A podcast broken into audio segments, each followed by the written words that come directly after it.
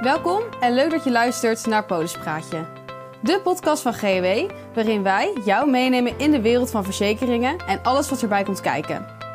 Tijdens de podcast beantwoorden wij veel voorkomende vragen en gaat GW in gesprek met haar medewerkers en klanten. Veel luisterplezier. Een overlijden van een naaste heeft veel impact op de nabestaanden. In deze moeilijke periode moeten er ook praktische zaken geregeld worden, zoals de nalatenschap. Een register-executeur kan je daarbij helpen. In deze aflevering van Polispraatje gaan we het hebben over hoe je je hierop kunt voorbereiden. Dit doe ik samen met Raymond Mars van Stichting Register-executeur en Willem van der Kammen, adviseur en register-executeur bij GOW. Fijn dat jullie er zijn. Willem, ik zei het net al even in de intro, uh, register-executeur. Kan je uitleggen wat het is of waar, waar we dan aan moeten denken? Nou, als register-executeur bereid ik eh, de nalatenschappen van mensen voor en wikkel ik ze af. Uh, je helpt mensen daarbij eigenlijk om hun nalatenschap dus voor te bereiden en alles goed geregeld te hebben voor als het zover is. Oké, en als je het over voorbereiding hebt, waar moet ik dan uh, aan denken? Uh, nou ja, goed, eigenlijk ga je aan de hand van een, een digitaal nalatenschapsdossier alle gegevens, alle informatie, alle documenten vastleggen. Mm -hmm. zodat er bij, als het zover is, alles duidelijk is en makkelijk vindbaar is voor de nabestaanden. Oké, okay, helder. En waarom vind jij, of waarom is het eigenlijk dan zo belangrijk om zo'n nalatenschap voor te bereiden? Ja, om duidelijkheid te hebben voor de nabestaanden, geen verrassingen um, te krijgen. Um, ja. Ja, dus dat er, uh, wat ik net inderdaad ook al zei, er komt natuurlijk veel op je af in zo'n periode. Ja. Dus dat je dat niet ook nog erbij uh, Ja, precies. Oké, oké. Okay, okay. En uh, is er ook een moment waarop je mee kan beginnen? Is er een specifieke leeftijd waarbij, waar ik aan moet denken? Of... Nee, eigenlijk uh, ja, kun je er niet jong genoeg mee beginnen. Want het kan je natuurlijk ook uh, op je dertigste overkomen dat je komt te overlijden. Ja. En dan is het natuurlijk helemaal een leidersweg. Maar um, ja, in de praktijk zien we dat de meeste mensen zo na hun vijftigste, 55ste daar wel serieus over na beginnen te denken. En Ja. het ook wel prettig vinden als het voorbereid wordt. Zodat ze hun nabestaanden niet opzalen met allerlei problemen en vragen. Oké. Okay. En zijn er dan ook nog dingen waar extra aandacht aan moet gegeven worden bij het voorbereiden van zo'n nalatenschap? Um, ja, extra aandacht. Ja, je legt eigenlijk alles vast hè, van, um, van alle gegevens uh, van de nabestaanden, maar ook de uitvaartwensen, de lidmaatschappen, de abonnementen, de verzekeringen. Ja, eigenlijk alles komt um, aan, aan bod. En ja, daarbij wordt dan ook meteen gekeken of het juridisch en uh, fiscaal allemaal past bij de bij hetgeen er geregeld is. Oké. Okay. En um, Raymond, kan je, mag je iedereen benoemen tot executeur? Ja. Oké. Okay. Dat is een heel kort antwoord. Ja. Hè? En ik kan het ook iedereen aanraden om, uh, om dat te doen. Want de taak van de executeur is eigenlijk het volbrengen van de executelen. Je moet de nalatenschap eigenlijk opdelen in een aantal fases.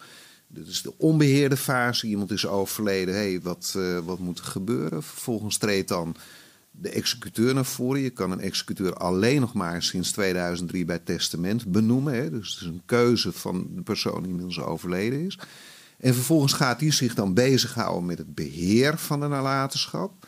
Dat is eigenlijk tot het moment van het verdelen van de nalatenschap. Mm -hmm. En eigenlijk als je kort samenvat, wat is de taak van de executeur? Dat is de deurwaarder van de wil. Hij moet iets ten uitvoer leggen. Ja. Het is de beheerder van de nalatenschap. En het is de butler van de erfgenamen. Dus het is niet degene die geheel eigenstandige verdeling kan vaststellen. Dus alles wat een executeur doet, is terug te voeren op een grondslag, het zij in het testament, het zij uh, uh, vanuit de wet. Nou, wat is nou het voordeel van een executeur? Dan gaan we daarna in op uh, de register-executeur.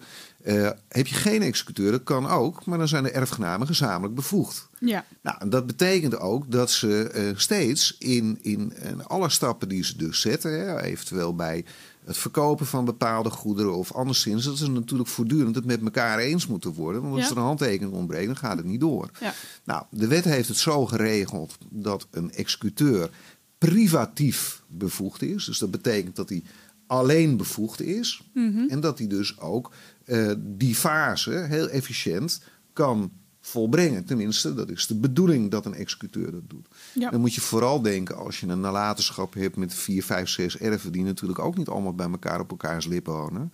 ehm, dat het natuurlijk ontzettend praktisch is om een executeur van tevoren eigenlijk al, hè, want dat is de enige manier waarop het kan, van tevoren aan te wijzen om dat, eh, om dat te doen. Ehm, om daarmee die nalatenschap ook efficiënt tot, tot verdeling te kunnen brengen. Ja, ja en eh, ik hoorde je net inderdaad al zeggen van, eh, nou ja, je kan iedereen dus benoemen, dus familie, vrienden neem ik aan, wie je ook bedenkt. Ja, Ehm, maar je gaf tussendoor aan, nou ja, wat zijn dan de voordelen van zo'n register-executeur?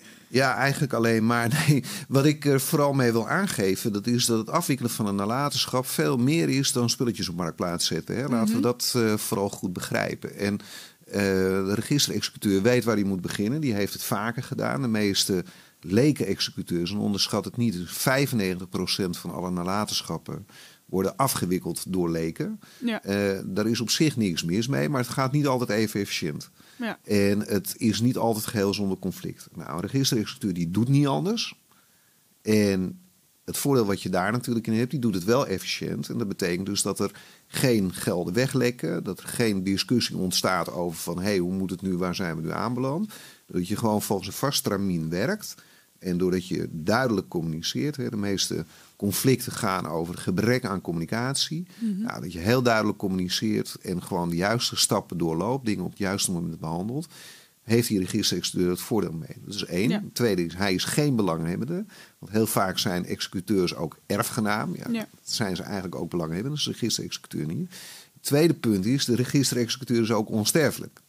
En wat ik daarmee bedoel, dat is dat elke registerexecuteur een waarborg heeft van de stichting registerexecuteur. Die altijd als tweede op de opdracht staan. Dus dat betekent, mocht die uitvallen, dan zit er altijd continuïteit in dat we het met 99 collega's eh, Ja. eh, op kunnen lossen. Ja. Dus dat het opgevangen kan worden inderdaad. Ja, Inderdaad Ja. opgevangen kan worden. En uiteraard op het moment dat het fout gaat, er ook gewoon een passende beroeps- en sprakelijkheidsdekking is. En dat kan je natuurlijk van een familie-executeur niet verlangen. nee. Kan je hooguit boos aankijken, maar daar houdt het dan wel een beetje mee op. Ja, en ik begrijp uit je verhaal, er komt natuurlijk heel veel bij kijken. Heel veel verschillende stappen heb je mee te maken. En ik hoorde het Willem net eh, ook al even eh, zeggen, eh, de digitale nalatenschap Ja. dossier. Eh, wat moet ik daarbij Ja, denken? eigenlijk moet je met het digitale nalatenschapsdossier bedenken. Daar hebben we dezelfde grap uitgehaald als de banken destijds met bankieren. Vroeger, toen we Koen nog met een lange oe schreven, was het zo dat je één keer in de 14 dagen werd je geïnformeerd over je saldo. Nou, dat kan je nu niet meer verkopen. En dat geldt eigenlijk ook voor de nalatenschap. We hebben het zo ingeregeld dat het de betrokken mensen voortdurend informeert over de stand van zaken. Dat er ook gecommuniceerd kan worden. En ook in het kader van de privacy dat er ook beveiligd gecommuniceerd kan worden. Oké, Dus het is daarmee een handig ondersteunend tool. eh, wat, wat heel veel aanvullende waarborgen biedt voor het correct afwikkelen van een nalatenschap. ja, oké. En is het zo als je ervoor kiest om een voorbereiding wel bij een register-executeur te doen, dat het wel door, vervolgens door een familielid eh, als afwikkeling eh, Ja, beide kan. Je kan, eh, wat, wat Willem net ook al aangeeft, hè, in je voorbereiding voorkom dat het een raadplaat wordt. hè, Mhm. dus dat dingen duidelijk zijn. Tegelijkertijd is het echt wel zo dat bij de afwikkeling van een nalatenschap eigenlijk op dat moment de prijzen verdeeld worden. En je altijd wel erfgenamen ertussen hebt zitten die misschien toch een andere gedachte hebben over hoe en wat. Ja. Nou, dat kan de boel eindeloos stagneren. En op het moment dat je iemand hebt die meteen op het juiste punt begint met het geven van uitleg, eh, dan heb je daar wel je voordeel aan. Oké, ja. Nou, dan heb ik eh, genoeg informatie over de voorbereiding van een nalatenschap. Hebben jullie misschien nog eh, wat, iets dat we vergeten zijn of willen toevoegen hieraan? Nee. Nee, niet direct. Maar ja, daar komen we pas achter als we gaan afwikkelen. Ja, precies. Ja, dat, dat wat ik er even vooral mee wil zeggen. Hè. Voorbereiding naar laterschap, dat is eigenlijk gewoon niets meer of minder dan een simulatie. Gewoon heel duidelijk kijken van, joh, stel je bent verleden weken overleden. Ha, gelukkig, je bent er nog. Eh, als het nu het geval zou zijn, waar moeten we het nu mee doen? Ja. Wat ontbreekt er nog? Wat kunnen we eventueel nog aanvullen? Ja, oké. En dat, dat is de proof of the pudding is in the eating. En dat betekent eigenlijk dat je dat in de vorm van een simulatie heel goed kan voorbereiden. Oké. Ja, nou dankjewel. Dank jullie wel voor de uitleg. Nou, eh, het goede voorbereiding is natuurlijk het halve werk, dat zeggen we altijd. Maar wil je nou meer weten voor het, over het voorbereiden van je nalatenschap? Kijk dan op nalatenschapvoorbereiden.nl of ga naar gw.nl slash nalatenschap. Bedankt voor het luisteren naar Polispraatje, de podcast van GHW. Ga voor meer informatie naar ghw.nl slash polispraatje of volg ons op social media voor het laatste nieuws.